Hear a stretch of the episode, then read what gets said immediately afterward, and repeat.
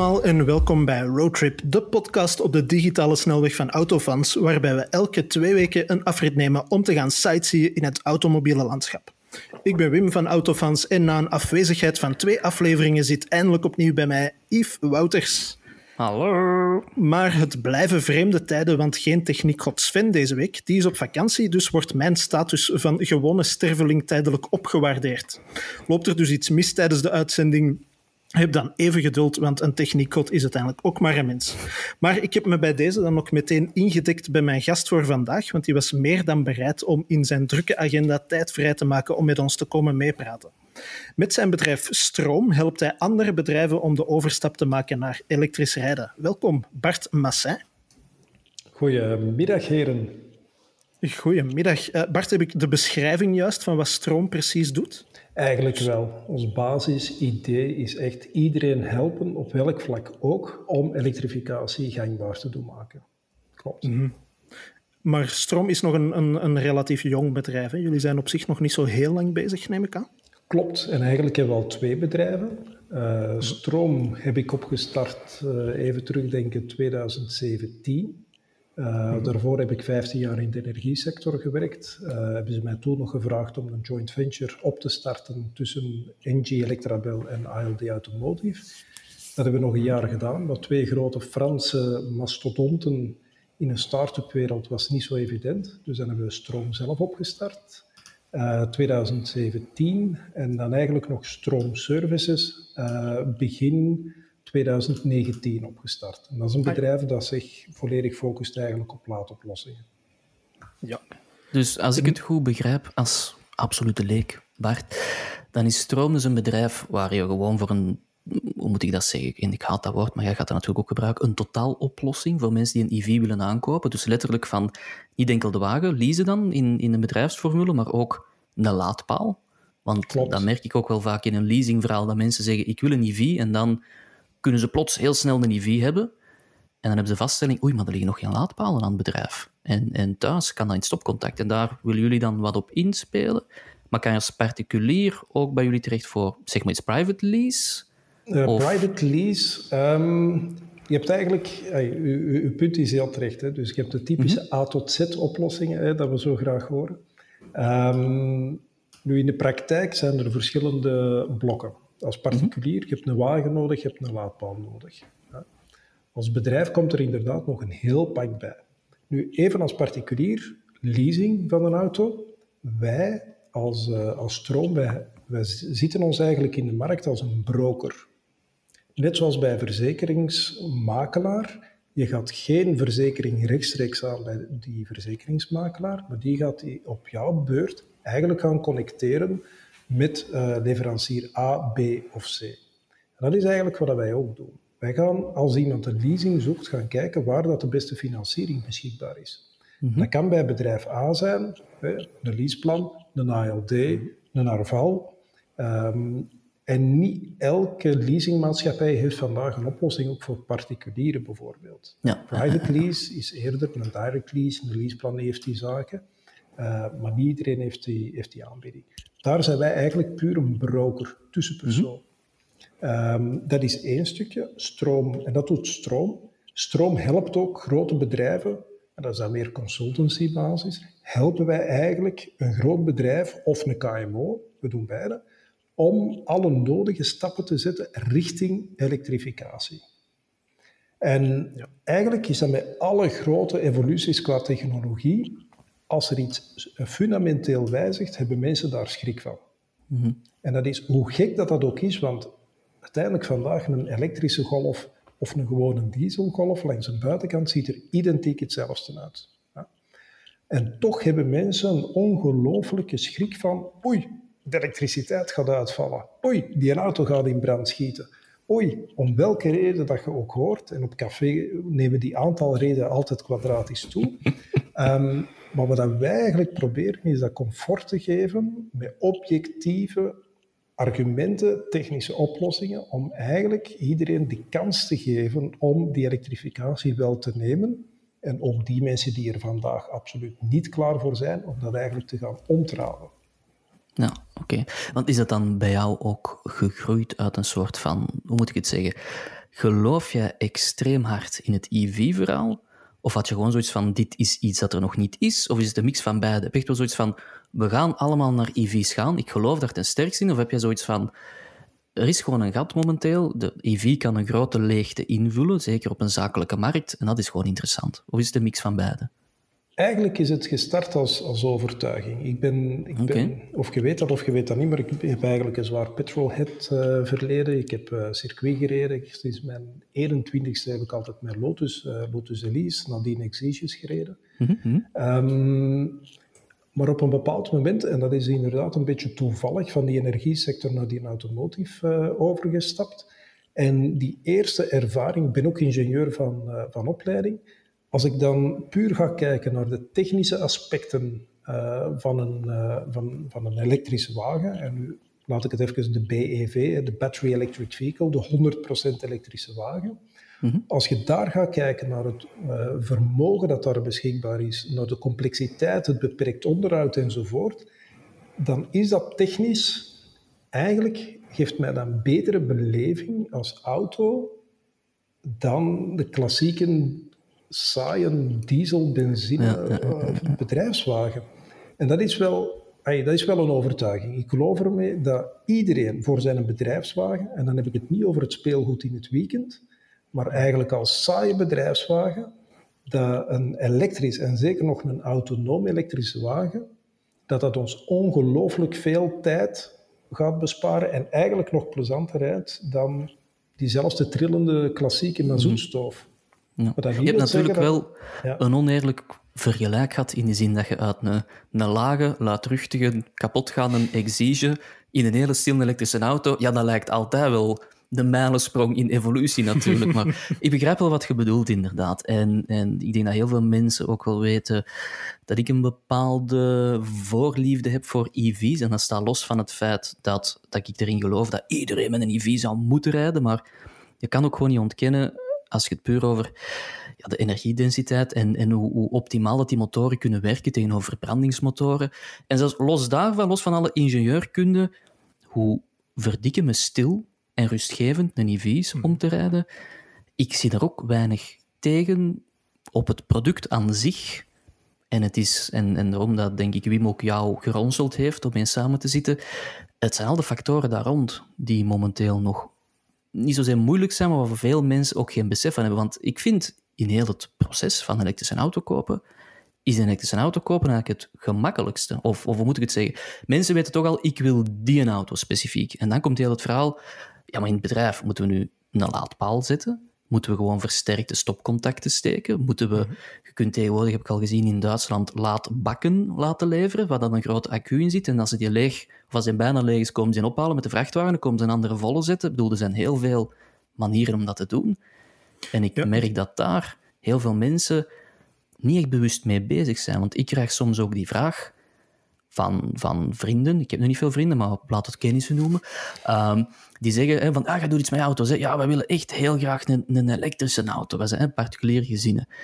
En ik merk er ook heel vaak dat zij dan ja, totaal geen, geen clue hebben van wat dat inhoudt. Ook qua opladen. En van, ja, maar we krijgen bij dat merk nu korting of een wallbox. En dan is dat toch in orde? En dan denk ik, ja nee, want kun je überhaupt een wallbox steken bij je thuis? Hè? Kun de leiding, heb je drie fasen, heb de... En ja, dat blijft zo'n kluwen van moeilijke termen die, zoals je zelf zegt, mensen hebben schrik van alles dat nieuw is. Maar het probleem blijkt mij bij EV's dat alles is echt wel nieuw. Hè? Ook de terminologie. Hè? We spreken ook niet meer van pk's, maar van kilowatt. Wat we eigenlijk ook al bij auto's jaren doen, maar iedereen zegt nog altijd pk. En alles lijkt precies nieuw. En dat ah, schrikt mensen precies wel af. Als we 100 jaar teruggaan in de tijd, mhm. de eerste auto's, de eerste Porsche was een elektrische Porsche. De, rond, eigenlijk in, ja, rond 1910, 30, 40 procent van de wagens was toen elektrisch. Heel gezonde dus, batterijen. Sorry? Met heel gezonde batterijen toen wel Gewoon zo. Gewoon loodzuur. Net zoals zelfs dat er nu ook in de dieselbenzine ja, zit. weet het. dus op zich is, uh, is de technologie is niet nieuw. Hè. De mm-hmm. elektromotoren komt in elke fabriek binnen en daar staan dezelfde uh, synchrone motoren. Ja. Um, op zich is het, is het eigenlijk helemaal niks nieuw. Het is vintage. Maar mensen kennen het niet. Mhm. Vandaag kennen het niet. Mochten we het aan onze overgrootouders uit de Belle, eh, Belle Époque-stijl vragen, die zouden zeggen, ah ja, natuurlijk, een elektrische, wij hadden een Siemens-lader thuis. Er bestaan mhm. Siemens drie-fase-laders die dat toen al, uh, toen al bestonden. Hè? Elektrische wagens werden toen trouwens ook heel sterk gepositioneerd voor uh, vrouwen, omdat het uh, een veel eenvoudigere wagen was toen om mee te rijden. Veel mhm. minder complex, zo'n benzinewagen dat ging stuk, die moesten half repareren onderweg. Uh, moesten. Ja, voilà. Het is heb je het over een, een, nieuwe Alfa Romeo of heb je het over auto's van vroeger? Ik ben helemaal mee in het verhaal, sorry, ik was even weg. Maar die... Um, eigenlijk het concept op zich is, uh, is zo oud als, als, als maar zijn kan. Het is een kwestie van ja, in een maatschappij terug de new normal te worden. En dat is met alle vormen van technologie. En eigenlijk uw opmerking in het begin vond ik ook heel terecht van... Uh, wilt je iedereen verplichten ofzovoort? Nee, het moet een vrije keuze zijn. En elk product wordt maar, en dat zelfs met onze smartphone, zelfs met een iPad. Kijk daar even tien jaar terug en dan hadden wij zo, ja maar ik, waarom moet ik bereikbaar zijn als ik op café zit? Ik wil, ik wil niet bereikbaar zijn. Ik, uh, en waarom zou ik dan internet moeten hebben? Ik heb thuis toch een computer met internet. En op een paar jaar tijd, puur omdat wij het product superieur vinden aan het voorgaande product, namelijk een vaste lijn waar je thuis met van die toetsjes moest ronddraaien, hè, um, wordt dat gewoon ongelooflijk common in een markt. En mhm. elektrisch rijden ben ik ervan overtuigd, allee, met deze hitte, ik zet zelfs gewoon op mijn app de airco 10 minuutjes op voorhand aan. Ik kom in een auto die is 20 graden in plaats van 50. Mhm. Dat kan ik gewoon weg met geen enkele diesel- of benzinewagen. Dus het is gewoon een, op, op dat vlak zelfs. Als ik, als ik vandaag kijk uh, welke wagens dat je ook gaat kijken, ze hebben allemaal 408 pk, 406. Maar dat trouwens, of dat je nu een EQC, een Polestar, een uh, Audi e-tron, die hebben allemaal tot op de pk na hetzelfde. Mm Ik heb me daar straks diezelfde bedenking gemaakt, inderdaad. Ik schreef het getal 408 over de Polestar 2 en ik dacht van, tja. Dat ben ik nog eens tegengekomen. Ja, voilà, inderdaad. maar dat is ook omdat ze gewoon allemaal dezelfde motoren gebruiken. Maar 408 pk, zoekt iets een klassieke bedrijfswagen, diesel, benzine met 408 pk fun. Ja. Dat vind je ook niet. En als je al die zaken combineert, het is plezant, het is ecologisch, het is nog eens technologisch superieur. Dat is gelijk een hamburger friet eten zonder calorieën. Allee, dat is, hey, dat is toch... Mhm. Dan, mhm. dan zijn ze daar gewoon voor gewonnen. En, en dat vind ik ook het leuke eraan. Het is gewoon een product dat superieur is en dat um, ondanks de weerstand bij de massa, en zeker in, in Vlaanderen of België in het algemeen, wij zijn uberconservatief. Hè. Als het uh, niet mag, dan hoe. Maar als de buurman het doet, oh ja, dan wil ik het ook doen. Hè. Um, dus we gaan een heel sterke evolutie krijgen. Wij zijn zo de, de laggers. Hè. Dus als, als iedereen het heeft, dan willen we niet achterblijven. Mm Dus de grootouders nu hebben ook een smartphone. Ze hebben geen 3G-simkaart erin, want dat is te duur of te complex. Maar ze hebben wel een smartphone, ook al sturen ze gewoon sms'jes ermee. Wij gaan uiteindelijk ook naar een maatschappij gaan dat iedereen wel richting die elektrificatie gaat. Mhm. Alleen vind ik dat altijd een jammerlijke zaak dat we één als maatschappij ongelooflijk traag zijn. Dat wij ook geen opportuniteiten of geen business of geen uh, wereldeconomie willen creëren daar rond. Als we kijken in Nederland, die zijn vijf, zes jaar minstens voor ons daarmee gestart. Wilt je vandaag een laadpaal kopen? Oké, drie van de vier zijn Nederlandse producenten. Zij nemen nu die markt over. Zij kunnen innoveren, zij zijn er ook een first mover in.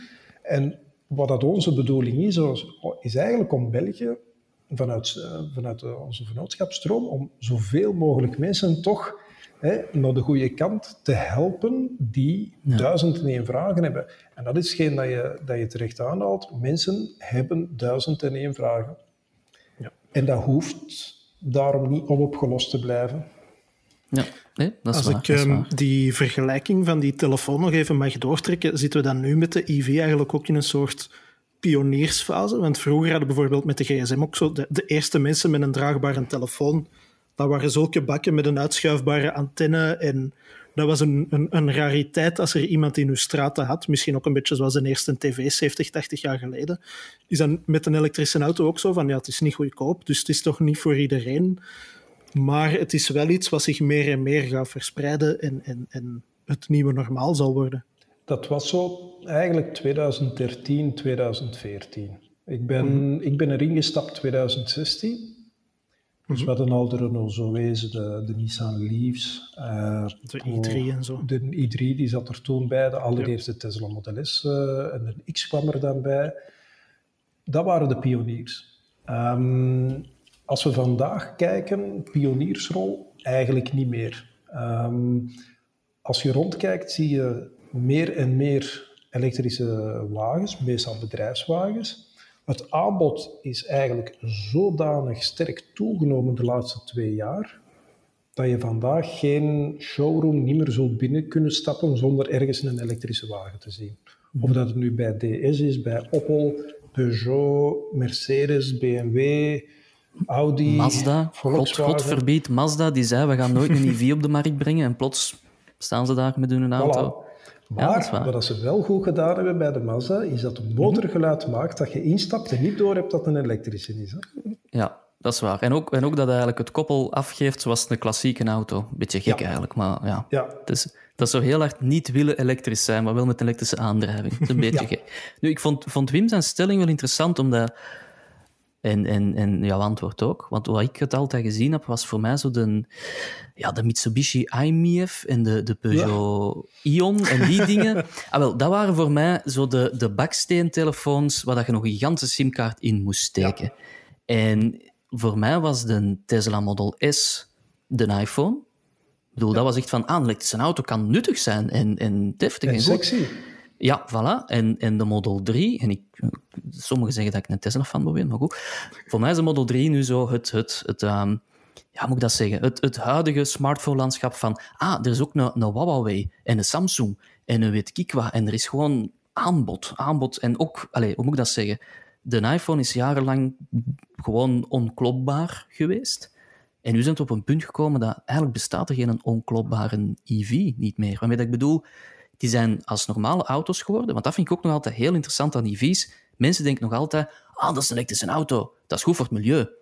En dan moet ik ook al zeggen van, klopt, maar we zijn tot op een punt gekomen dat je een veel verbruikende EV kunt kopen, genre Porsche Taycan. En dat is dan een supersportauto. En daartegenover staat een Renault Zoe dat relatief weinig verbruikt. Dat is dan het, het, het, het ecologische stadsautootje. En ik vind dat knap ook dat we in een EV-landschap nu al zitten, waar dat de term EV toekoor niet meer is van dat is, die, dat is een zuinige elektrische auto. Maar je hebt gewoon, nee, je hebt aanbod. Je hebt aanbod. Je hebt supersportauto's in het EV-landschap. Je hebt zuipschuiten in het EV-landschap, genre Audi e-tron, sorry dat ik dat moet zeggen. En dan heb je, voilà, en dan hebben we de Renault Zoe's van deze wereld, die heel compact zijn en eigenlijk energie niepen. En, en net zoals dat je een, een Clio of god weet ik wat zou kopen. Dus dat vind ik geweldig, zeker de laatste twee jaar het aanbod aan EV's, zoals je zelf ook zegt, kun je geen dealer meer binnenkomen, is bijna hallucinant. Omdat ze hebben ons daar vijf jaar op voorbereid. Van in 2020 komen we zo, we komen. Hè. Want ik heb ook ooit nog een interview moeten geven aan iemand die zei van, het is toch dankzij Tesla hè, dat andere merken nu meegaan. Dat ik ook zo zat van, hm, dat is niet waar, want ze hebben altijd 2020 gezegd. Maar ik geloof er zelf ook zo niet echt in. Maar als je nu gaat kijken, wat er allemaal is op de markt. Van klein, groot, SUV, laag, het enige dat ze nog niet hebben is een, een elektrische cabrio. Dat begrijp ik niet. Maar... Jawel. Ah, ja? Ah ja. Ja, maar noemen we dan een auto? Gaan we dan een auto noemen? Mijn vrouw wou een elektrische cabrio. Ik zei perfect. Uh, allee, dat was haar excuus om niet elektrisch te zijn. Ja, ja. Dus totdat er een elektrische cabrio zou zijn. Ik zei perfect, want een smart is er. Ja, dus dat heeft een enorme... Tesla Roadster. Die komt. Maar die wordt wel niet meer gemaakt. Maar... Ah, de, de, de OG. De originele Lotus eigenlijk. Hè. Die ah, wel, ja, voilà. Ja, ja ik vind het straf dat je eigenlijk... Lotus Engineering ja? gemaakt. Ik vind het straf dat je daar niks over gezegd hebt. Dat je overgestapt bent van Exige racen naar... De, heb je er ooit mee gereden met een Roadster? Ah, wel, nee. Ik ook niet. niet? Heeft dat eigenlijk bestaan? Heeft eigenlijk buiten Top Gear er ooit iemand mee gereden? Bestaat dat ik, heb er, eigenlijk? ik heb er ooit effectief ene gezien van dichtbij. Dat kan ik, heb- zelfs Die niet stond wel stil, dus of hij ook kon rijden, dat weet ik niet. Ik heb, eh, maar ik ken eigenlijk de, de, de, eh, de Roadster, eh, Tesla Roadster-rijders, ken ik al van, van in het Lotus-tijdperk. Eh Ja. Wij organiseerden toen rondritten. Er was geen Tesla-club, die bestond nog niet. Die is eigenlijk vanaf de Model S eh, zo wat beginnen ontstaan. Ehm, Maar die reden met ons mee. Die auto was een Lotus chassis. Er zat enkel die motor eruit ge, gelift. eh, batterij erin, elektromotoren erin. Een ander eh badje erop en, en, en we waren vertrokken. En werd er Mensen zo reden- neergekeken? Sorry? Werd er wat op neergekeken door de Lotusrijders? Als Oh, dat, eh, was de een elektrische... beetje, dat was een beetje awkward, want die deed de rondrit niet mee. Die reed rechtstreeks van, eh, van het ontbijt naar het middageten. om, en die hadden een verlengkabel bij van 50 meter. en die gingen daar gingen superchargen. Ja. Uiteraard niet superchargen, Ah, nee, gewoon, ja. via het stopcontact in de keuken. eh, Mhm. En er waren een paar bedrijfsleiders die dat er toen eh, eentje hadden. En eh, op zich wel, wel gezellig, maar veel rijden. En dat was een heel andere belevenis, uiteraard. Hè. Ja, ja, maar die ja, hadden niemand anders om mee, mee samen te rijden dan, eh, dan. Dat klinkt zo grappig. We hadden, allee, dat kun je toch niet inbeelden? Dat zo, allee, als je nu tegen iemand Tesla zegt, dat is ook het, het, het Apple-iPhone-verhaal. Zo, iedereen kent dat merk. Maar eigenlijk is dat ooit gestart met zo'n omgebouwde Lotus die geen eigen clubje hadden en die met niemand mochten meerijden. Dat is toch waanzinnig, hoe dat, dat op zo'n korte periode... Maar ja, dat zijn, dat zijn uiteindelijk veel verhalen van, van eh, game changers in allerlei soorten technologie of bedrijven. Die beginnen allemaal op die manier. Hè, van, We hebben van begin af aan een idee en we houden daaraan vast en we bouwen dat uit. Duurt dat tien jaar, dan duurt dat tien jaar, maar we bouwen dat uit zoals wij dat willen. En begint dat Ja. met een heel ander concept, dan is dat zo. Hè. En, en, en eigenlijk de grote reden waarom dat het aanbod vandaag zo gigantisch toeneemt, is Europa. Hè. Mhm. Inderdaad, Tesla heeft qua technologie het een en het ander wakker geschud, maar iedereen heeft ook heel sterk neergekeken op Tesla, zeker naar eh, financiële waardering toe. Maar op een bepaald moment heeft Europa na Dieselgate, en dat is eigenlijk altijd zo, dat is een pendelbeweging. Dus de automotive heeft vrij veel vrijheden gehad, omdat ze ook veel economische meerwaarde hebben eh, gegeven voor, eh, voor Europa. Maar dan hebben ze toch iets te gortig gemaakt op vlak van NOx en nog wat CO2. Ehm, en dan hebben we een, pendelbeweging gezien. En dan heeft Europa gezegd van, oké, goed, als jullie niet aan jullie zelf, eh, of, of jullie zelf niet bedwang kunnen houden op, op dat vlak, en je zit zo hard met Schumann software, waar dat gedetecteerd wordt, ah, de wielen zijn geblokkeerd recht, dus we kunnen niet ons stuur draaien, dan gaan we in die modus voor onze NOx. Oké, als, je, als je het zo ver schopt en honderden keren extra eh, uitstoot hebt op, eh, op, op die vlakken, ja, dan heeft Europa gezegd van kom, we gaan heel die CO2-limiet met alle euronormen enzovoort, we gaan nu, we zaten eigenlijk 2019 op 130 gram voor de reëel verkochte vloot. Die 130 gram is dit jaar, en dat is dan niet even van 130 naar 120, naar 95 ineens gebracht. Ja. Om aan die 95 gram te zitten, ehm, moeten automerken structurele maatregelen nemen. We hebben vorige week hebben we nog gehoord dat Renault blijkbaar eh, zijn grotere wagens uit, eh, uit verkoop gaat, eh, gaat halen. Hè. Eh, type Espas, Talisman en dergelijke. Eh, Mitsubishi gaat, eh, stopt er ook mee in Europa, omdat ze ook alleen maar grote SUV's hebben met zeer beperkte elektrificatie. Eh, we hebben het nog niet gehad over een Subaru en dergelijke. Die horen we ook totaal niet meer. Die gaan, mijn vermoeden, die gaan er ook uit. Maar Europa heeft gewoon letterlijk gezegd van kijk, wilt je nog blijven meespelen, dan gaan wij vanaf nu zelf de spelregels gaan zetten. We zetten die nu op 95 gram.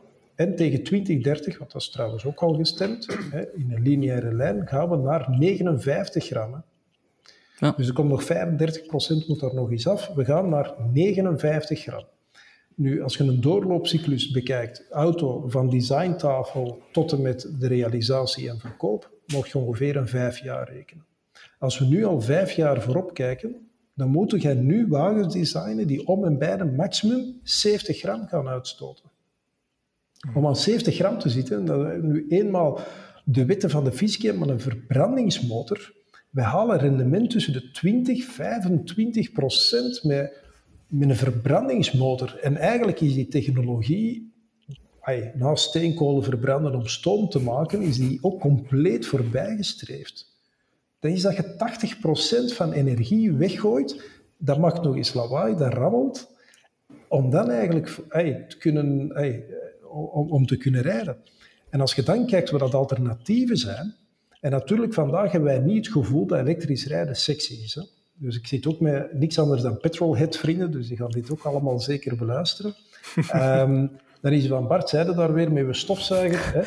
Hè? Um, maar die, en daar ben ik er rotsvast van overtuigd, dat hè, die 408 pk minimum tegenwoordig, maar dat gaat vlot naar 750, 800, uh, vanaf dat je een performance versie neemt. Um, ja, dat laat ons gewoon toe om één, die fun factor, het is niet buurtgeluid. Hè? Uh, het is de beleving. Die beleving is, gelijk bij de Porsche Taycan, laat jij een mp3 kunnen afspelen hè, qua geluid. Oké, okay, it's not the real stuff, hè? Mm -hmm. maar um, zo ja, De echte auto's zijn dat tegenwoordig ook al niet meer. Hè? Nee, dat voilà. is ook allemaal digitaal versterkt ja. of zodanig ingekapseld. Als ik nog één Ford Fiesta hoor voorbij rijden met plofjes in de uitlaten, dan ga ik ze inderdaad laten afwijzen. Want dat is ook zo fake als het maar kan zijn. Dat is wel. Maar het is inderdaad, zoals gezegd, ja, die evolutie is, is, is waanzinnig. Of, of de, de stappen die, die automerken moeten nemen op vrij korte periode, is inderdaad heel straf. En ook die 95 gram, niemand gaat het halen dit jaar, volgens mij. Ze hebben misschien geluk, geluk met een ongeluk, dat het coronavirus hun verkoop zo heeft laten kelderen dat ze in het najaar... Of ze hebben sowieso wel minder auto's verkocht, dus ze kunnen ook minder vervuilende auto's verkopen. Maar je merkt ook wel, bijvoorbeeld um, Mercedes heeft voor heel het najaar... De C-klasse wordt denk ik eind dit jaar nog vernieuwd. En ze hadden nog een allocatie voor een aantal auto's om naar België te brengen. En ze hebben ervoor geopteerd om enkel nog plugins te bestellen voor klanten. Omdat ze ook zeggen van, dat is de enige manier hoe dat wij onze CO2 nog wat kunnen verlagen. Um, het gerucht doet ook al heel lang de ronde dat Ferrari met een nieuwe instapauto wilt komen. Dus onder de, god weet hoe dat nu noemt, 488 GTB, Maranello, nee, uh, Tributo. Portofino of, of uh, Ja, of dat kind, met dus een ja. V6-motor en ode aan de Dino van Weleer. Maar de vrees bestaat bij Ferrari dat dat ding zo goed gaat verkopen dat zij boven 10.000 units per jaar zitten. En dan, als vanaf dat je aan 10.000 units per jaar zit, moet je voldoen aan die CO2-regels. Als je eronder valt, dan zijn eigenlijk maar een klein fabrikantje en dan heb je ja, dan, uh, iets andere spelregels. Hè. Dan moet je een intentie aantonen dat je je auto's aan het vergroenen bent. Zo werkt het. Ik bij... Ik denk dat Subaru trouwens, omdat er net even over Subaru er ook ging, onder, ik denk dat die, ja, ja. dat die ook datzelfde statuut krijgen, ook zoals van Want die ik weet dat de, lage... De Paganis en de Koenigseggs ja. en dan de Ferraris bij uitbreiding, die moeten dus aantonen dat ze een auto binnen vijf jaar gaan maken die ik zeg maar iets, ze mogen dat zelf verzinnen, 10 of 15 procent minder gaat verbruiken. En dan zegt Europa, het is goed jong omdat je zo weinig maakt. Maar dus Ferrari durft niet meer auto's maken daardoor, wat dat hallucinant is eigenlijk. Hè? Um, Mercedes zit enkel plugins te pushen. En je merkt dat, ja, dat is ongelooflijk, hoe, hoe dat automerken nu, en ik merk ook dat heel veel klanten dat eigenlijk niet doorhebben, dat ze verplicht gaan worden om de komende jaren hybrid, uh, plug-in, full electric. Nu, nu hebben ze al bijna allemaal een mild hybrid als ze een nieuwe nog kopen, zonder dat ze het doorhebben. Ook al doet dat aan zich niet zoveel voor het verbruik, maar ja, je weet zelf ook, elk grammetje dat eraf gaat, is, is een gewone gram in, in de boete. Hè? Um, maar ik heb ook het gevoel dat 2020 en zeker 2021, dat gaat het jaar zijn waarin dat we plots bij elke dealer nog maar drie modellen gaan kunnen bestellen. Simpel. Of van, ah oké, ja, meneer wil een Audi A6. Ja, wij verkopen enkel nog de plug-in. Sorry, wij doen niks aan. Dat doet me er ook aan denken trouwens, want ik ben zo weer aan het ranten. Um, wat is jouw mening over plug-in hybrides? Plug-in hybrides? Ja. Hmm. Fiscaal gezien interessant, hè? Uh, het werd ineens stil. Fiscaal gezien ook een risico. Dus vandaag, mm -hmm. als we puur vandaag kijken naar de real hybrids, hè, dus de, de, de echte, um, die hebben dezelfde fiscale regels als een volledig elektrische. In de praktijk, want wij leveren toch aan een, uh, een dikke 150 grote corporate uh, bedrijven laadinfrastructuur, uh, die dikwijls ook heel veel plug-in hybrides hebben. Mm -hmm. um, als ik puur kijk naar hoeveel keer wordt een plug-in hybride per week geladen, dan moet ik helaas zeggen dat de meerderheid, dus dat is meer dan 50%, niet eens één keer per week laadt. Ja. Um, en dan stel ik mij wel vragen. Omdat een plug-in hybride kan van volledig benzine plus 2 liter extra, want je hebt 200 kilogram extra, en complexiteit en mogelijkheid dat er zaken stuk gaan enzovoort bij. Ehm, tot iemand die eigenlijk zijn benzine, of die, eh, voornamelijk benzine, soms ook diesel, zeker bij Mercedes, hè, dat hij gewoon eigenlijk zijn, eh, zijn verbrandingsmotor niet meer gebruikt en volledig elektrisch gaat. Ja. Maar dan heb je natuurlijk een plug-in, eh, een full electric wagentje met maar 50 kilometer range, wat dat eigenlijk ook niks trekt. Dus Nee. het is niet dat we best of both worlds zitten. We zitten eigenlijk worst of both worlds. Je hebt performance, ja, maar elektrisch ook. Ehm, fiscaliteit vandaag goed, maar er zijn twee regels waaraan je moet voldoen om die fiscaliteit vandaag in België te behouden. Eén, we moeten die eh 0,5 kilowattuur per 100 kilogram auto hebben. En dat zit in een koninklijk besluit. En een koninklijk besluit hoeft, staat niet in de wet en kan op één maand tijd naar boven herzien worden of naar beneden, maar hè, de kans is groter dat het naar boven zal zijn. Initieel, en dat is nog kabinet van Van Overveld geweest, was het initiële verhouding 1 kilowattuur. We zitten op de helft. Dus dat er politieke ambitie is om dat naar boven te doen, eh, te verhogen, is, is, is, is logisch. ja. Wie vandaag een plug-in hybride koopt, kan perfect volgend jaar, of zelfs nu in september met regeringsvorming, who knows, ja, ehm, kan eigenlijk al tot de constatatie komen dat zijn een Volvo XC90 T8 plots ge- fiscaal aanschouwd wordt als eh, een dikke 2 liter benzine of 2,4, ik weet niet meer dat er exact eh, in zit. En dus op dat vlak, plug-in hybride, ik vind het een sociaal eh, interessant concept dat je een overgangsmaatregel hebt voor de twijfelaars. Maar eigenlijk, als bedrijfstool, uw kost neemt niet, neemt niet af. Integendeel. Gigantisch moeilijk om te controleren wie rijdt er nu elektrisch en wie niet. Het is niet omdat je elektrisch rijdt dat je daarom minder benzine verbruikt, want je kunt elke dag mooi laden. En aan het eerste licht penché geven met een koude benzinemotor, nota bene, al die plug-in hybrides, want die geraken niet heftig opgewarmd. Hup, je bent, je vertrokken, je verbruikt 7 liter, 9 liter. Zien wij, is, is niet abnormaal in vlootanalyses. Dus als je dan die plug-in hybrides ziet, dat het eigenlijk duurder is, want ze zijn dezelfde prijs als een elektrische. Ze verbruiken meer.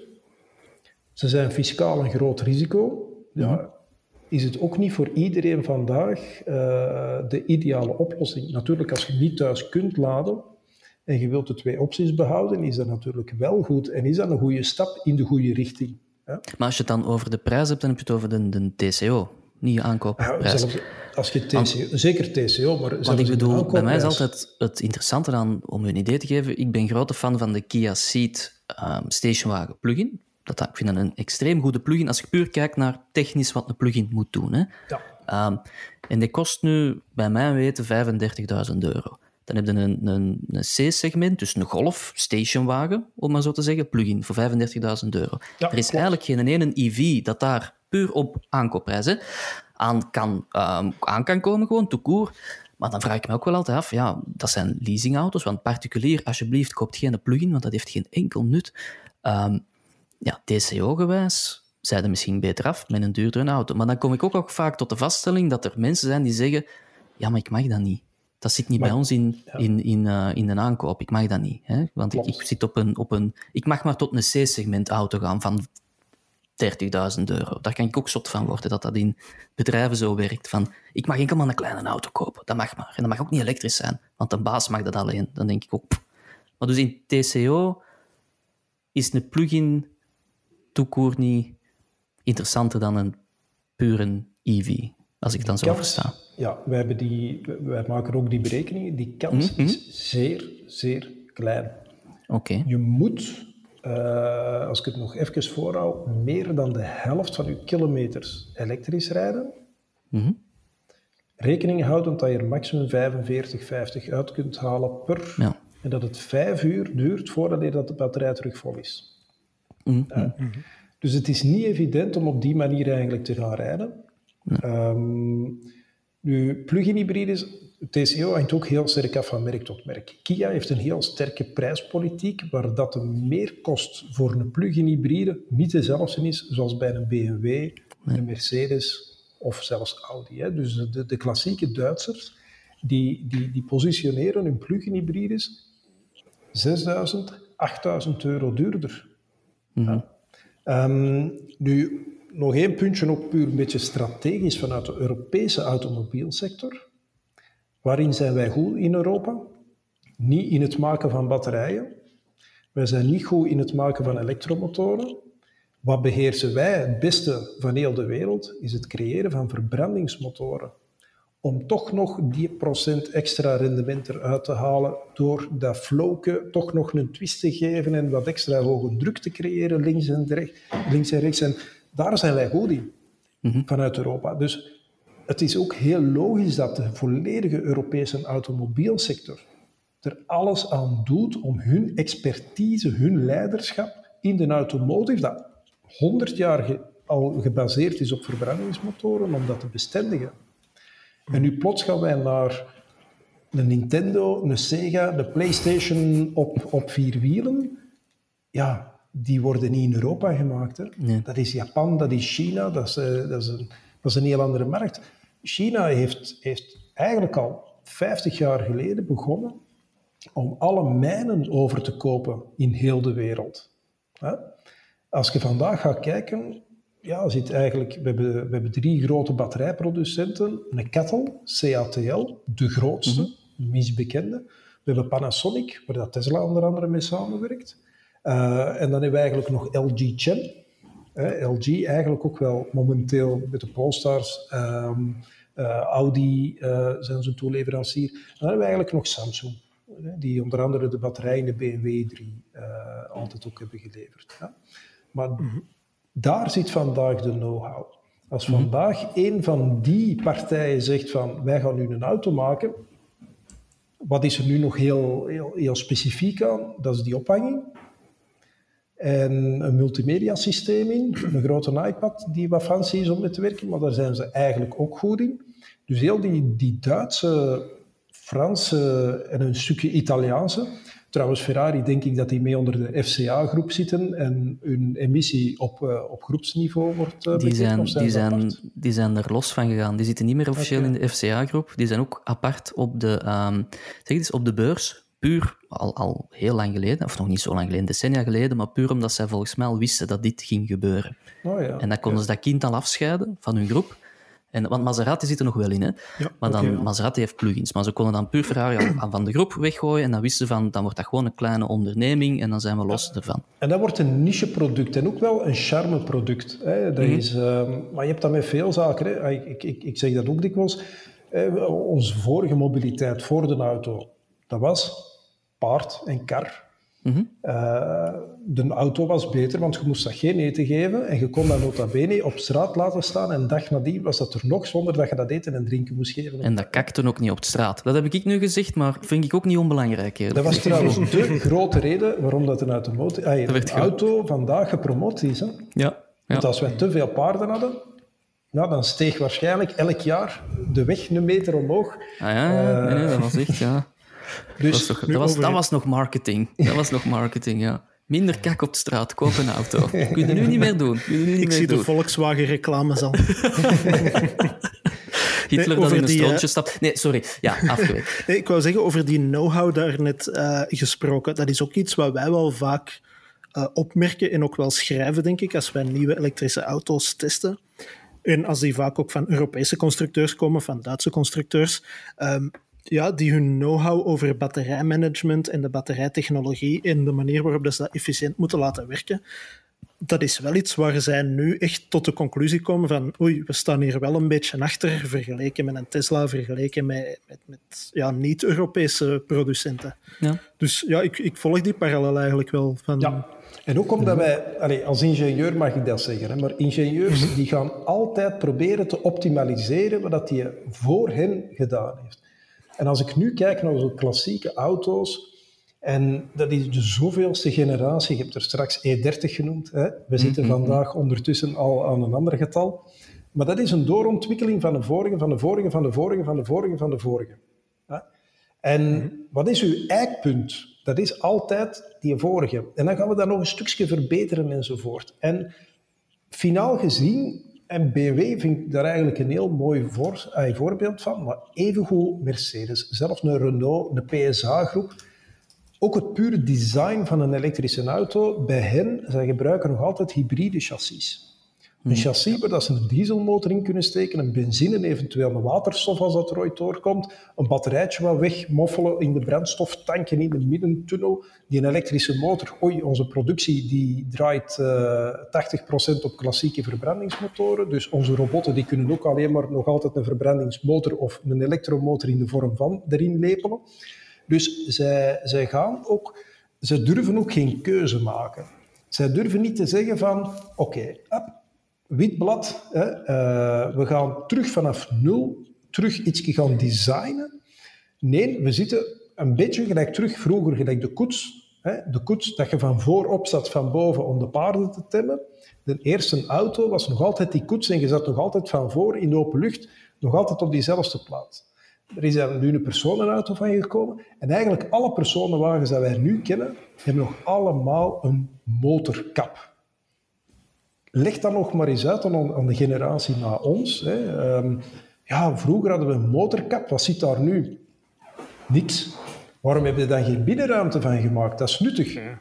Ja, we hebben daar een frunk van gemaakt en dan kun je daar uw stinkende mosselen in zetten. Hè, want dan ruikt, ruikt uw auto er niet naar. Of de dat is zeer specifiek, Bart. Dat is zeer specifiek, maar ah, oké. Daar wordt dat nu voor gebruikt, om naar het frituur te gaan en mosselen te gaan halen, of oesters. Hè, dat je die geur niet binnenkrijgt. Maar eigenlijk is dat ook absurd. Maak gewoon een, een als we nu toch in bubbel spreken, maak een bubbel die wielen aan de buitenkant en eigenlijk alle conceptcars die vandaag ietsje verder gaan, ehm, die, die, die, die, hebben dat design. Hè? Dus die binnenruimte mhm. maximaliseren. Die auto wordt toch autonoom, ondertussen al lang elektrisch, daar wordt al niet meer over gediscussieerd. Maar dan kun je die binnenruimte ongelooflijk gaan laten toenemen. Ja. Maar kun je eigenlijk niet een beetje uh, samen met de, de autonome auto? Want als je nu spreekt over de motorcap, dat is inderdaad de plaats voor de motor. Maar daar wordt ook voor een deel de, de, de kreukelzone inge, ingecalculeerd. En, en ja, de bescherming voor frontale aanrijdingen. En als je dan spreekt van we zetten de wielen aan de buitenkanten en alles daartussen wordt gewoon cabine of iets anders, dan moet al bijna met autonome technologie bezig zijn om u in te dekken in geval van aanrijdingen en zo, frontale botsingen, denk ik. Voor een stuk wel, maar je hebt ook mhm. eh, aanrijdingen via de zijkant en daar hebben we dat ook ja. niet. En op zich denk ik wel dat je nog naar kreukelzone enzovoort, je hebt nog altijd heel veel, je moet een airco zetten, je remmen ergens zetten, uw motor zit daar nog. Het is niet dat we, dat we zelf op zoveel van, uh, van de voorbumper gaan, gaan zitten. Maar ik denk wel dat we veel meer ruimte gaan kunnen gaan vrijmaken. Mm. Ook een puur elektrisch, mm. hè, het EV-platform, zoals dat Volkswagen nu bijvoorbeeld heeft, het MEP-platform. Uh, mm. Maar dat evengoed een, een Tesla gebruikt. Uh, Tesla heeft zijn eigen platform.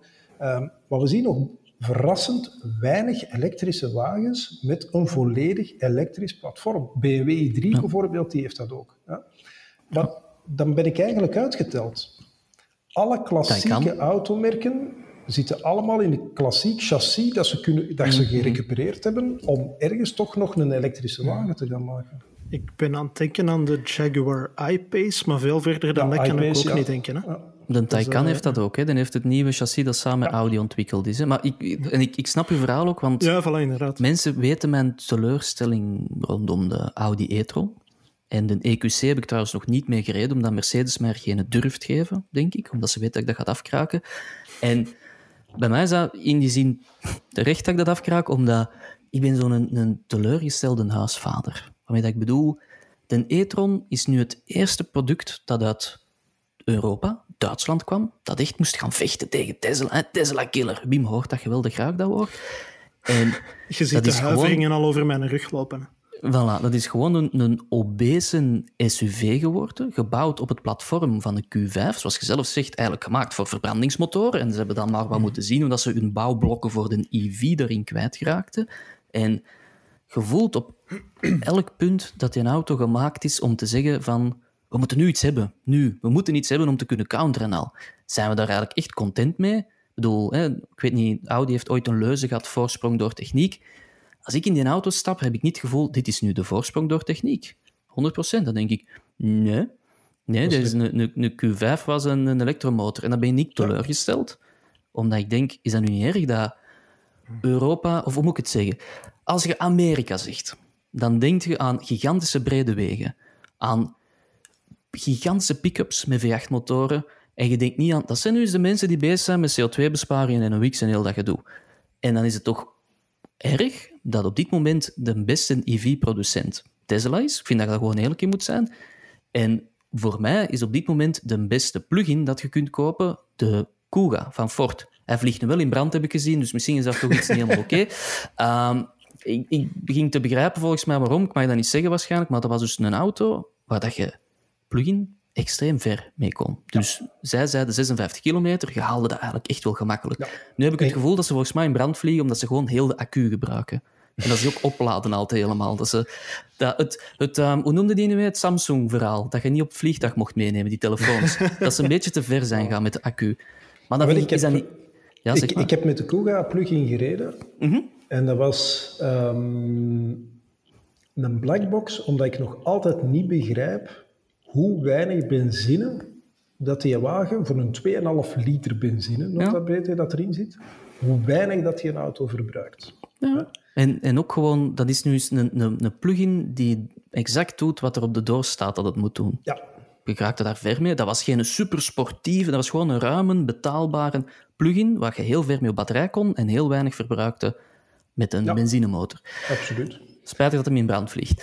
Uh, maar daar heb ik gelukkig nog geen, uh, nog geen ervaring mee. Ja, want dus Ford heeft echt wel een statement uitgerold dat mensen die een Kuga, en nu wil ik het kwijt zijn, denk ik, voor juni of juli gekocht hebben, dat ze hem niet meer in stopcontact mogen steken. Zeker niet doen.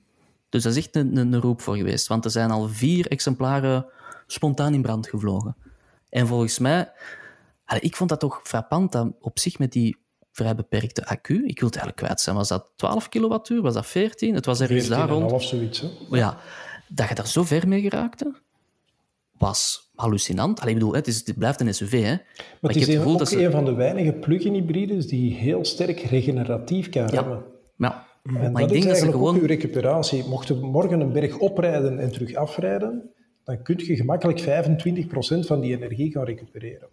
Mhm. En dat wordt eigenlijk ook een heel belangrijk aspect. Het puur remmen mechanisch met wrijving is zo jaren 90. Je kunt, je kunt, dat, je kunt dat veel beter gaan benutten. Ja, ja. maar en, ik merk en dat is daar een plug-in hybride, zeker bij Ford, die was er zo sterk in, dat hij volgens mij een groot gedeelte van zijn energie ook daaruit kan recupereren. Ah, wel, maar dan, dan vind ik... Allee, dan denk ik, ik vind dat nu erg dat ik hier in een Amerikaanse auto zit een SUV, dus dat is echt Amerikaans. en dat doet het beter dan ongeveer elke Europese plugin op de markt. En je kunt wel beginnen lullen over, ja, maar de, de is nog mooier afgewerkt. Dat kan allemaal goed zijn, maar puur op een technologisch vlak vond ik dat een heel indrukwekkende auto.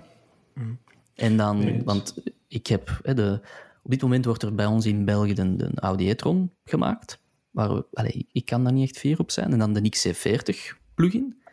En ik weet niet dat je daarom hebt gereden met de plugin van de XC40. Ja. Ik vond dat ook weer... Ja, je, je hebt het zelf mooi aangehaald, het, het regeneratief remmen. Ik vond dat die auto dat heel slecht deed, trouwens. En ja, daarboven, je betaalt bijna 20.000 euro meer voor een Kuga met een kleinere koffer, waar je minder ver mee raakt, dat meer verbruikt om benzine. Allee, ik snap het gewoon niet. Dus dan denk ik, is dat nu niet erg dat wij Ocharme nog twee fabrieken in België hebben die auto's bouwen en je kunt daar dus niet fier op zijn. Ik wil zo echt een chauvinistische Brit zijn dat zegt, ja, de nieuwe Aston Martin SUV is de beste SUV ter wereld. Hè. En dat ze er nog semi-correct in kunnen zijn. Maar in, in ons geval gaat dat gewoon niet. Ik vind er zijn betere alternatieven. En die komen dan vaak, zoals je zelf zegt, uit Japan, uit Amerika. Pak nu de MG. Dat is nu Chinees. De ZS-EV. Dat is...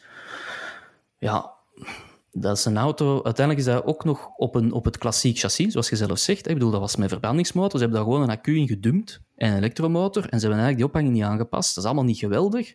Maar ze kunnen dat wel aanbieden voor, en ik noem dat de Dacia Duster onder de EV's, voor een heel betaalbare prijs. Ja. 32.000 euro full maar ja, ja. En dat is een ruime crossover, hè, wat dat mensen willen. Dat, dat is een elektrische Nissan Qashqai, hè, noem ik dat.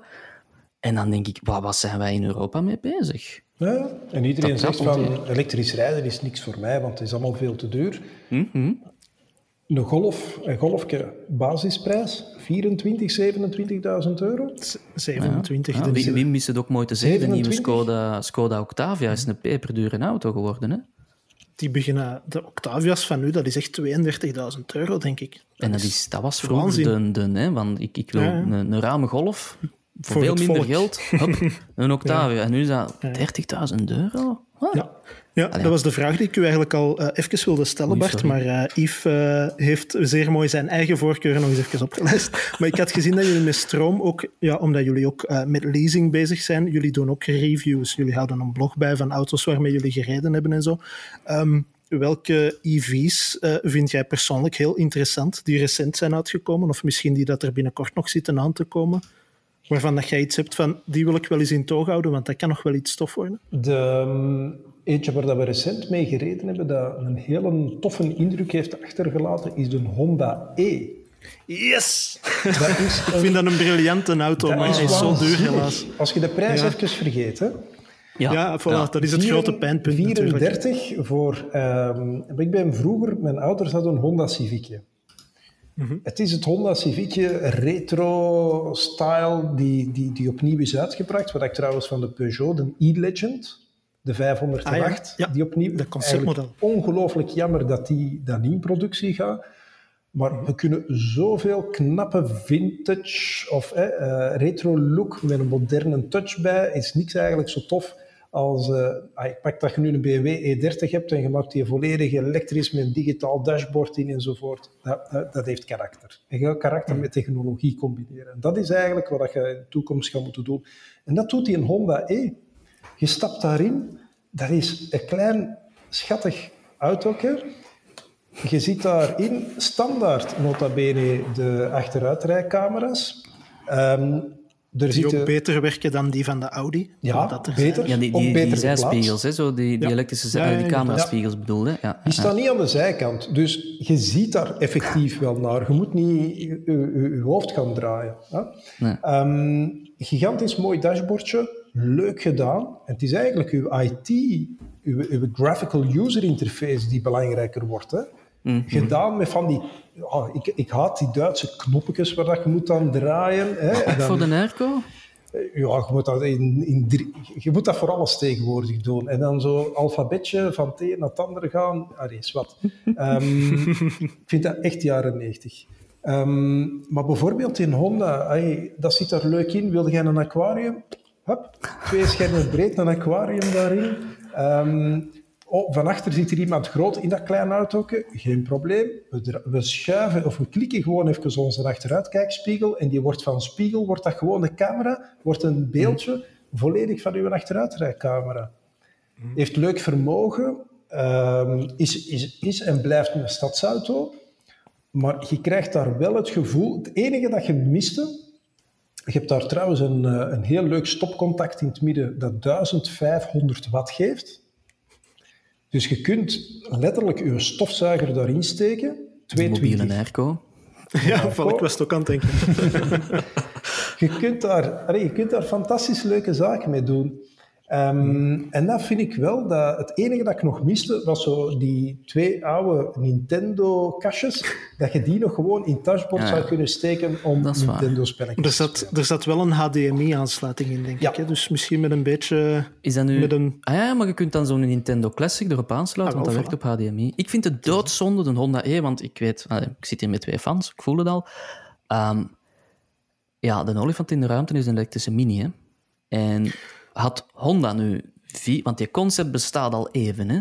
Had Honda Die toen een die een E uitgebracht, had dat een veel grotere impact gemaakt dan nu. Want ik krijg het moeilijk uitgelegd aan mensen dat ze voor die Honda moeten gaan, waar dat er drie dealers van zijn in België. Dan de Mini Cooper SE, die eigenlijk goedkoper is. Dat is een Mini. Die zijn restwaarde gaat beter zijn. Je kunt er verder mee. Die is niet ruimer. Die voetafdruk is wel groter, maar een Mini is geen ruime auto. Ehm rijgedrag gaat volgens mij ook zo wat hetzelfde zijn. En is niet technologisch of vooruitstrevend, maar dat is wel een Mini. En heel veel mensen die nu als zakelijke klant al een Cooper S hebben van het kapsalon of van, van de BH-verkoop of weet ik wat. Wie rijdt rond met mini? IT-bedrijven, zie, ik ben niet enkel aan het bouwen. Consultancybedrijven Ja, met voilà, van die donkere minis met groene spiegels. Ja, die gaan nu massaal overstappen naar een Cooper SE, naar, naar een elektrische Mini. En ik zie die niet naar Honda gaan. En dat is zonde, want nu is het alternatiever. Als Honda drie jaar geleden uitkwam met een Honda E, ik denk dat niemand had kunnen zeggen van, ja, er zijn alternatieven. En nu heb ik wel wat dat gevoel. Ja. En ik denk dat dat voor de verkoop, in, ons, in Europa, hè, want dat moeten we ook niet vergeten, in, in, in Japan gaat dat waarschijnlijk, allee, dat gaat, dat gaat waanzinnig goed verkopen waarschijnlijk. Hè. Dat is wat uiteindelijk van stroom, we helpen die bedrijven ehm, die transitie te maken. Daaronder zit de leasingmaatschappij. Hè. Zit genoeg bij de juiste leverancier, want het is niet omdat iemand een goede prijs gaat voor een diesel, dat hij dat ook geeft voor een plug-in en dat die Ja. een plug-in ook die voor elektrisch te goede is. Hè. Ook een klassieker is de merken. Wat is een klassieke fleetmerk vandaag? Ja, dat is niet Honda. Ja. Dat is de BMW-groep, Mercedes, ehm, de Volkswagen-groep en Volvo. Hè, dat zijn zo, en Ja. als je vandaag al zegt van oh, we willen eens out of the box denken, dan ga je een Hyundai ertussen zien of een Kia. Wat dan nota bene sinds de laatste jaren auto's zijn geworden met een hele hoge premium afwerkkwaliteit eh, en, eh, en die ook niet meer de auto's zijn van, van weleer. Maar als we nu kijken naar elektrisch, is eigenlijk ook die approach al voorbijgestreefd. Nu, Hyundai en Kia zijn wel koplopers. Ja? Absoluut. Als je gaat kijken naar de zuinigheid van een Hyundai Kona, Ja. dan rijd je 400 kilometer vlot mee. Hè? Ja. Dus die, als je puur kijkt naar die zuinigheid, wat dat zij beloven, maken zij ook waar. Ehm, En opnieuw, dat is een niet-Europees merk weer al. Hetgeen dat we daar straks zeiden van de Europese merken en hun, hun batterij-efficiëntie en zo. Een Koreaans merk laat zien hoe het wel. Hè. Het, het zijn eigenlijk, ik kan het nog straffer zeggen, er zijn geen Duitse of geen Europese merken vandaag die, die, die, die koploper zijn. De best verkochte Europese EV is de Renault Zoe. Op zich een toffe auto, Ehm, maar als je die dan, ook geen goedkope auto, hè? als je die dan zet bijvoorbeeld naast een beleving dat je hebt in, in een Honda E, ja, is, dat, is dat een heel ander paar, paar mouwen. En eigenlijk moeten we nu al kijken naar de, de, de, de Xiaomi, de Pocofones, hè, wat we allemaal kennen Ja, in onze, ja. hè, van onze, onze gsm's. Ja, eigenlijk zitten we daar nu al, een NIO bijvoorbeeld. Ik vind de NIO, de, eh, wat is het, een ES8, ehm, een ongelooflijk een toffe auto. Eh, je hebt een EP9, dat is die eh, performance racecar, die een nota bene ook nog eens half autonoom eh, op circuit kan. Ehm, we hebben jammer genoeg de Byton, die, wat is het, een maand geleden of zo, eh, de boeken heeft neergelegd. Wat het eigenlijk de BMW-ingenieurs waren van de i3 die in China zijn gaan werken. Ongelooflijk toffe zaken hebben kunnen eh, opzetten. Dus ik hoop dat daar een overnemer komt. Maar bijvoorbeeld een Faraday, Lucid. ehm, we, hebben, we hebben eigenlijk heel veel nieuwe merken die dat er gaan aankomen, die we vandaag zeker in fleet-omgeving niet kennen. De Polestar is, is dan eigenlijk nog onder de Volvo-groep. Een Link Co die dat er gaat aankomen. We, gaan, eh, ja, we gaan veel meer het Huawei-gevoel hebben in het begin van oei, wat is dat, dat kennen we niet. En uiteindelijk, oei, het is nu de grootste speler. Hè. Ja. En dat gaan wij ook gaan hebben in de automotive. En zeker de fleet is heel klassiek uiteraard. Hè. Ja. Right. Ik vind dat, eh, dat is een, een, blik richting de toekomst, iets dat we zeker in de gaten moeten houden. Eh, ik was ook in de gaten aan het houden de klok, want ik denk dat we onge- ongeveer al een uur eh, aan het praten zijn en dat we nog wel een eind kunnen voortpraten. Maar ik wou er nog even uitgaan met een licht rubriekje dat wij traditioneel in onze podcast houden, en dat heet de Striptease. defenestratie. Ah, nee, sorry. Wat zei je, Ja. Nee, niks, niks. Ik heb niet striptease gezegd. Je hebt dat verkeerd Nee, geïnterpreteerd. nee, nee, nee, voilà. nee. Eh, dus de defenestratie, dat is eigenlijk iets heel simpel. Ik leg eh, twee dingen voor die meestal milde irritatie veroorzaken, want niks is ambetanter dan milde irritatie. En een van die twee dingen mogen jij vakkundig het raam uitwerpen, Bart. De eerste milde irritatie is de uitspraak de elektrische auto is een rage en heeft geen toekomst. We hebben wel eens gehoord aan een toog te landen, als, als iemand dat nog kent, een toog. Of bij de iets oudere autojournalisten, maar kijk. Bijvoorbeeld. De andere milde irritatie is de uitspraak: de elektrische auto is alleen voor rijke mensen. Oh, dus, uh, ja, dat zijn inderdaad twee irritante uitspraken. voilà. dus de meest irritante mogen jij ons aanreiken en dan flikkeren we die vakkundige eraan. Ah, wel, ik ga dan toch voor de eerste gaan. Uh, mm-hmm. Dat het maar een, een trend is. En dat is iets dat ik heel dikwijls hoor bij klassieke auto- en olielobby. Die zeggen, wacht maar op de waterstofauto. Hè? Rendement, dat lossen we tegen dan wel, wel, wel op. Maar doe alsjeblieft de komende tien jaar zeker niks. Blijf gewoon verder dieselen en, en, en benzine stoken, want het Walhalla komt. Ja. Het andere is ook irritant. Maar, je moet kiezen, nog net je moet ja. kiezen. Wie dat kan rekenen, is slim genoeg. Ja, dat is waar. Kijk, kijk, dat is een mooie uitspraak. Dat klopt. Dat klopt. En, hoe, allee, laat hoe kijk je... Ja, sorry, Yves. Zeg nee, nee, nee, maar zeg maar, Wim, het is uw show. Doe maar zot. Voilà. Nee, ik wou nog vragen, hoe kijk je inderdaad naar de waterstofauto? Uh, is dat iets wat nog een toekomst beschoren is? Is dat iets wat alleen voor zwaar vervoer, uh, zwaar vervoer gebruikt kan worden, wat dat ook wel eens vaak wordt gezegd? Uh, of is dat iets wat sowieso gedoemd is om te verdwijnen? Nee, waterstof is gewoon een elektrische auto, elektrische aandrijving. Je gaat daar terug die motoren van 411 pk terugvinden. um, maar het is gewoon een opslag van elektriciteit. En om dat op te slagen moet je 75% vandaag weggooien. Omdat we een, een vorm elektrolyse, gezet elektriciteit op water komen, waterstofbelletjes, je moet dat tot, uh, wat is tegenwoordig, 1400 bar uh, gaan, gaan opdrukken, om dat dan in een uh, gigantisch vat te gaan, allee, gigantisch vat, bedoel qua, qua drukken dat het aan kan, in uw auto te gaan steken op zich waterstof, ik geloof daarin als een alternatief in bepaalde omstandigheden, waar een batterij bijvoorbeeld te zwaar is. Maar een batterij vandaag kan 80% van die energie gebruiken. Een, een, waterstofauto zit maar op 20, 25% dat die kan gebruiken. Dus zolang dat wij die kunnen stockeren in een batterij, dan zie ik eigenlijk geen enkele reden om een inferieure technologie te gaan gebruiken die waterstof vandaag is. Ja. Natuurlijk heb je een vliegtuig en heb je niet de plaats voor die batterij en het gewicht en kun je heel licht veel energie gaan stockeren. Kan waterstof een alternatief zijn. Heb je 35 uh, ton te trekken uh, en je batterij is uh, te snel op en je wilt dat op een snelle manier kunnen doen, kan waterstof een alternatief zijn. En ik kom uit in de energiesector, wanneer wordt waterstof absoluut mainstream? Dat is op het moment dat er, on, dat er eigenlijk zodanig veel elektriciteit geproduceerd wordt via hernieuwbare, op momenten dat niemand het kan gebruiken. Wat doen wij vandaag? Vandaag stoppen wij windmolens, letterlijk. Hè. We draaien windmolens dat ze geen wind meer vangen, omdat we te veel hebben. We betalen die mensen 150 euro per megawatt om alsjeblieft niet te produceren. Ja, steek het dan gewoon in waterstof en om het te recupereren. Maar ik denk dat het een utopie is om binnen dit en de komende tien jaar te verwachten dat we met zodanige overcapaciteit in de energiesector gaan zitten, dat wij die overschotten dat we toch maar eh, zouden weggooien, nog gaan kunnen recupereren als waterstof. Colruyt was daar wel mee bezig al, hè, dacht ik. Uh, met gesubsidieerde projecten, inderdaad. Om, om, om waterstof op te slaan s'avonds dan, hè? dat ze dat wanneer het niet gebruikt werd, energie. Ja. En als ze nu eens elektrische vloot zouden hebben, en gewoon mm. hun windmolen uh, en hun zonnepanelen op hun site in Halle zouden gebruiken om hun vloot op te laden, dan kunnen ze 100% recupereren in plaats van ja. nu 75 weg te gooien. Ja, maar het is gesubsidieerd en dat maakt het natuurlijk dat ze dat project met plezier gedaan hebben. En ze hebben natuurlijk ook een paar tankstations staan op waterstof, dus dan is het wel nuttig dat je waterstof een beetje in de spotlight zet, denk ik. Maar, maar, kijk. maar, ze hebben ook laadpalen op de parking van hun winkels voor elektrische auto's en ik maak daar af en toe gebruik van. Ah, jij zet die dat er gebruik Ik ben een van de weinige mensen effectief die af en toe eens een auto oplaadt op de parking van ja. de Colruyt. En daardoor kost mij een bonierest meer. Waarvoor dank, voilà. Wim. Waarvoor dank, Wim. Wat mooi.